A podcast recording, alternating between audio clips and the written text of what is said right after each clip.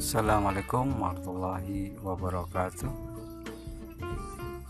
Ayo sama-sama kita belajar di podcast pendidikan agama Islam.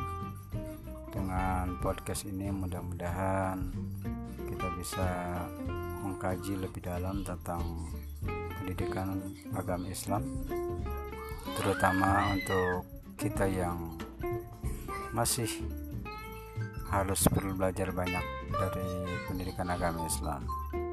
Terima kasih.